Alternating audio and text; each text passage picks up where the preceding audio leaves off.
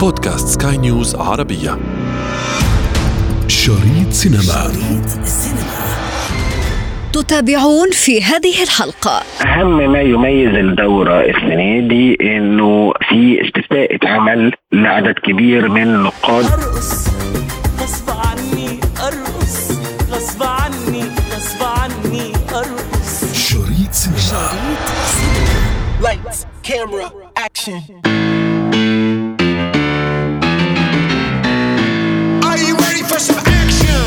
سألتكم عن الأفلام العربية ما هي أفضل الأعمال السينمائية التي علقت بذاكرتكم إلى يومنا هذا؟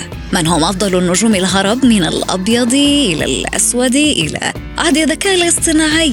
من ستختارون؟ تابعونا وسنعود بذكرياتكم اليوم بالكثير من المفاجآت أنا ابتسام العكريمي وهذه حلقة جديدة من بودكاست شريط سينما على سكاي نيوز عربية لا تفوت الأمر شريط سينما ست سوريا يا ست سوريا إيه إيه في إيه؟ الأستاذ فريد والنبي هو فين؟ أهو بصي.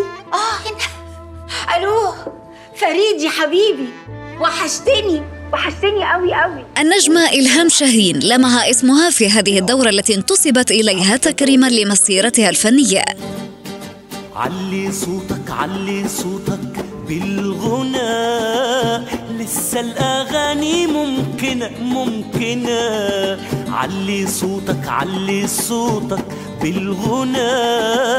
لسه الأغاني ممكنة ممكنة معظمكم يتذكر نغم أغنية الفنان الكبير محمد منير لسه الأغاني ممكنة فكرة الأوبريت هي مستوحاة من شعار المهرجان لهذا العام. السينما ترقص وتغني. بمناسبة الاحتفال بالسينما الغنائية التي تعد مزجا لعدد كبير من أغاني السينما المصرية وسينما البحر المتوسط في إطار درامي شيق.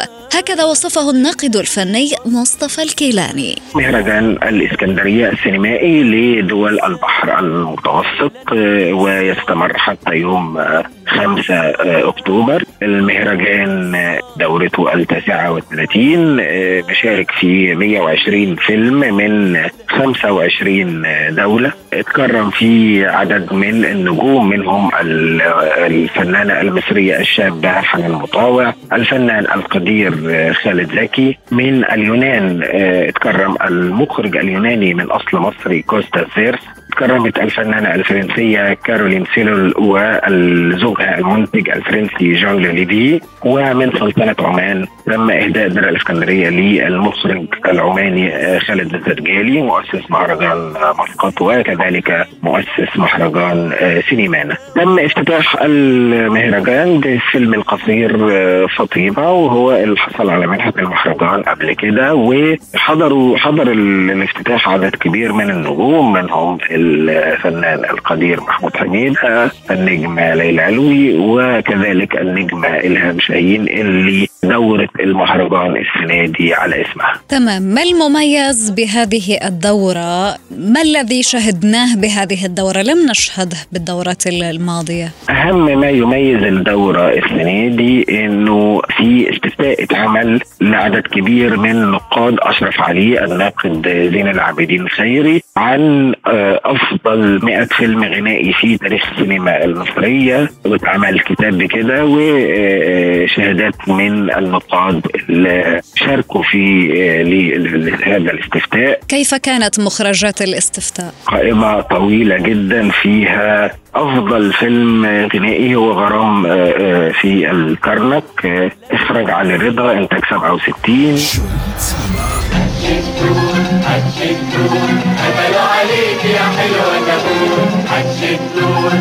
سينما آه يا حياتي يا مولاتي آه يا حياتي يا مولاتي. رد يا فرخة على الكتكوت حتشبسوت يا حتشبسوت الملفت لهذا العام في مهرجان الإسكندرية هو اختيار قائمة طويلة من أروع الأفلام التي حفرت في عمق الذائقة الفنية للمشاهد. هس هس اسكتوا لا تصحوها. ده نومها خفيف محتاجة سكوت هس هس اسكتوا لا تصحوها. يا ولاد حارتنا توت توت. إحنا في معبد حتشبسوت يا ولاد حارتنا توت إحنا في معبد حتشبسوت على رأس القائمة نجد فيلم غرام في الكرنك يتصدر قائمة أفضل فيلم غنائي. احكي لي تعالى هنا مش هتشوف أمينة ولا إيه؟ أمينة. آه بس هي بتعرف ترقص ولا؟ يا أخي قلت لك ما بتعرفش تهبب المهم امتحنها وخلصني. طيب يا سيدي انت لا هي فين؟ الانسه أمينة أستاذ حقوق الأستاذ صلاح ابن عمي. وبتعرفي ترقصي؟ آه طبعا. بتعرفي ترقصي إيه؟ أنا حافظه شوية حركات من عندكم في الفرقة. كده؟ تسعى فتاة لتحقيق حلمها في أن تصبح راقصة استعراضية. يساعدها من يحبها للحصول على عمل في إحدى الفرق لكنها تقع في غرام مدير سينما زوزو يا بابا هي الإنسانة الوحيدة اللي شعرت إني عايز أقدمها لك. ده كلام خطير يا بروفيسور وله معاني بعيدة. وانت بقى بنت مين يا شاطرة؟ والدي الله يرحمه كان راجل عادي جدا. اسمه عبد الكريم مصطفى. ما افتكرش ان حضرتك تعرفه. الزفة ابتدت يلا بينا. وإلى الفيلم الذي حاز على المرتبة الثانية. فيلم كان يمطر إيرادات لصناعه في سبعينات القرن الماضي. ميرسي.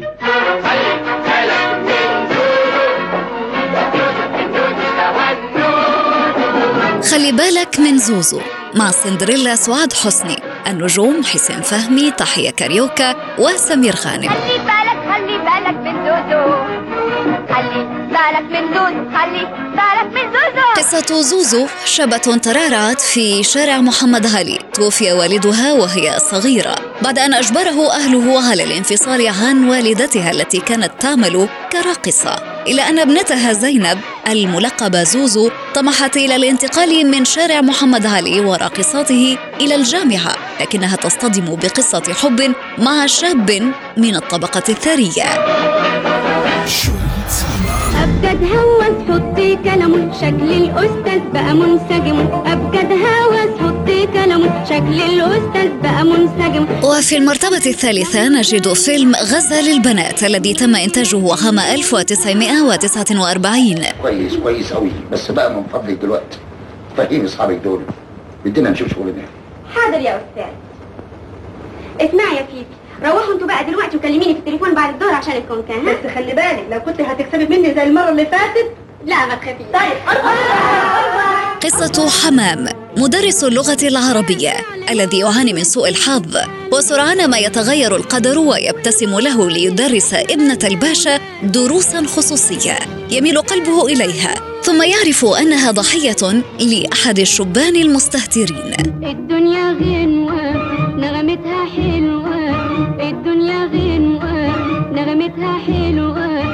الفيلم من تأليف وإخراج أنور وجدي ومن بطولة ليلى مراد.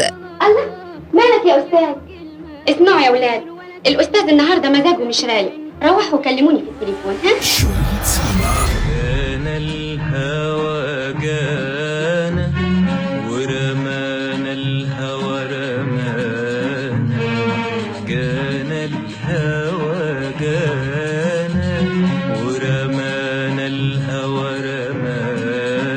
الحديث عن الأفلام الغنائية لابد أن نجد العندليب عبد الحليم حافظ موجودا في قائمة أفضل الأفلام على الإطلاق ضمن فيلم أبي فوق الشجرة. هو رتب ال- الأفلام آه، يعني تعالي نقول لحد 20 كده. هنرجع فيلم فيلم محمد عبد الوهاب في فيلم قلب دليلي برضو آه، هنرجع ل 15 15 معبودة الجماهير آه، شادية تاني بترجع وعبد الحليم انتاج 67 آه، يوم من عمري عبد الحليم إخراج عاطف سالم 61 قلب دليلي ليلى مراد 47 إخراج أنور وجدي الورده البيضاء محمد عبد الوهاب 1933 إخراج محمد كريم. تمام هذه العودة إلى الوراء اليوم لتكريم هكذا أفلام تربينا عليها وتربطنا بها ذكريات عميقة جدا. ماذا تمثل في تاريخ الفن؟ إحنا بقالنا فترة مفتقدين الأفلام تلك ذات القيمة الفنية العظيمة والجماهيرية الجيدة إحنا الأفلام الغنائية والاستعراضيه طول الوقت عندها جماهيرية كبيرة جدا وعالية جدا. للأسف إحنا بقالنا فترة طول الوقت عمالين نقول أصل الأفلام مش بتجيب فلوس فمش والأفلام الغنائية والاستعراضيه بتبقى تكلفتها كبيرة جدا فمش هنعرف آه، ننتجها. طب إحنا دلوقتي الأفلام المصرية في سوق الخليج بدأت تحقق أرقام ضخمة جدا جدا. التكلفة ال- ال- ال- الأرباح بتاعت فيلم واحد بس ممكن تعمل تكلفة 10 أفلام غنائية ضخمة. يعني فعليا بنفتقد القيمة دي. آه، للأسف بنضطر ننظر دائما إلى الوراء وقت ما كانت السينما المصرية قوية ومهمة ومؤثرة وبتقدم موضوعات فنيا جيده وتجاريا algum muito لأنه الإنتاجات الحالية ضعيفة لماذا؟ ما السبب في الإنتاجات الضعيفة؟ اليوم حتى لما بدنا مثلا نشارك في مسابقة عالمية ودولية مثل مسابقة الأوسكار وغيرها لا نجد إلا فيلم واحد يترشح من مصر وحتى هذا الفيلم يعني غير مضمون أنه يصل آه، نهائيات هذه المسابقة وهنا أتكلم عن ال- الفيلم الذي تم قبوله أو رشح رشح من قبل السينما المصرية ولجنة النقاد المصريين لسباق ال- الأوسكار لماذا لا نرى الأفلام المصرية في النهائيات؟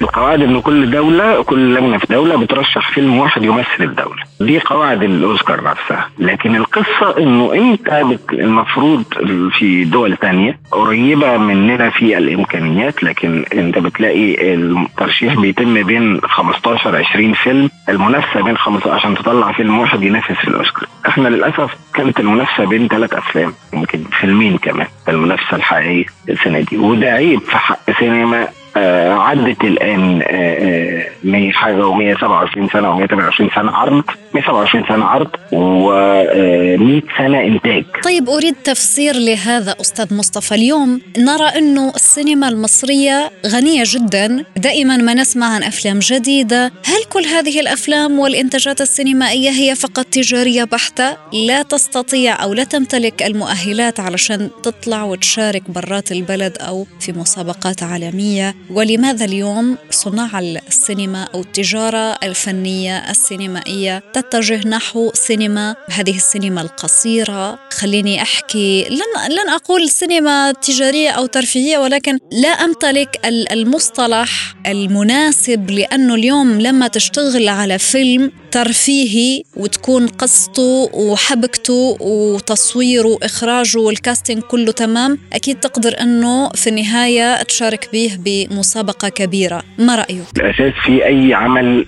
فني هو الكتابة. السيناريو ثم السيناريو ثم السيناريو. إحنا طول الوقت عندنا المخرجين والصناع يقول لك أصل في أزمة ورق قصدهم على السيناريو يعني في أزمة سيناريو. إحنا ما عندناش أزمة كتابة إحنا عندنا أزمة اختيار. أزمة انتقاء أزمة اكتشاف. يعني أفهم من حضرتك أنه الأزمة في طريقة اختيار فكرة السيناريو اللي ممكن أنه ينجح وليس في كيفية كتابة السيناريو. بالظبط إحنا دائرة الإنتاج فيها مشكلة، المشكلة الحقيقية في دائرة الإنتاج، دائرة الإنتاج لا تكتمل، لأنه المفروض الدائرة بتبدأ بالسيناريو، سيناريو ثم شركة الإنتاج ثم المخرج ثم الأبطال وبعد ذلك تبدأ مراحل الإنتاج المختلفة. ما يحدث صناعة السينما المصرية الآن إنه يبدأ الموضوع من البطل من الممثلين الرئيسيين ثم آه، شركة الإنتاج ثم المخرج ثم السيناريست وهم داخلين يصوروا. دي المشكلة إن أنت بت... أنت بتبدأ بالعكس. انت بتبدأ العملية الإنتاجية بالعكس فيحصل إنه إحنا حددنا مع التصوير يلا نكتب السيناريو. مفيش حاجة اسمها كده. في حاجة اسمها إنه لازم لازم السيناريو ده يتكتب مرة واثنين وثلاثه ويعاد كتابته وحتى الكاستنج يتم على أساس السيناريو وليس العكس. بالظبط كده. انما إنما ده اسمه تفصيل. بالمناسبة في سيناريوهات تفصيل ممكن تبقى كويسة جدا بس ده في حالة معينة وإنه إنه البطل عنده فكرة محددة هو عاوز يعملها وده حصل بالمناسبة وبالمناسبة كانت سيناريوهات عظيمة. بس السيناريو نفسه اخذ وقته كتير جدا. يعني فريد شوقي كان عنده الفكرة بتاعت كلمة شرف. بدأ يقعد مع كتب كتب جزء منها بنفسه بدأ يقعد مع ال ال الآخرين والإخراج وحتى إنه استعان بنجوم زي أحمد مظهر وزي رشدي أباظة في مشاهد قليلة جدا. رشدي أباظة طلع مشهد. علشان يعمل الشكل ده وفي الآخر خلص الفيلم وغير بيه قانون بالمناسبة. الحدوتة إنه إحنا نهين آه الكتابه نهين صناعة وفن السيناريو والنتيجة النهائية في الآخر إنه إحنا ما عندناش منتج آه، قوي كبير آه، يصلح للعرض في مهرجانات كبرى إلا قليلا. وللأسف ده مستمر. واللي حاصل هناك إنتاج ضخم جدا لأعمال كوميدية كتير آه، باعتبار إن السوق الخليجي بيطلبها. آه، آه، النهارده لو شفنا إيرادات الأفلام المصرية في السوق الخليجي خلال السنتين اللي فاتوا والايرادات خلال السنة دي هنلاقي في تراجع. ليه؟ لأن المشاهد الخليجي مش هيقعد. كل شوية بيطور ذائقته الفنية وذائقة المشاهدة عنده ومش هيضحك عليه بأفلام آه، تعتمد على الإفيه طول الوقت. عنده بيتفرج على سينما أمريكية بيتفرج على سينما آسيوية بيتفرج على سينما هندية بيتفرج على سينما أوروبية. المهرجانات الآن في الإمارات والسعودية وغي- وغيرها من دول الخليج. مهرجانات كبيرة بتعرض قدام المشاهد الخليجي أفلام مهمة جدا. فبالنسبة له هيتفرج ليه على فيلم آه، رديء أو فيلم بالعاميه المصرية نص نص. هو عاوز يتفرج على أفلام أخرى شريط سينما. انتظرونا. المزيد من الأحداث والذكريات الفنية في شريط سينما. شريط سينما. شريط سينما.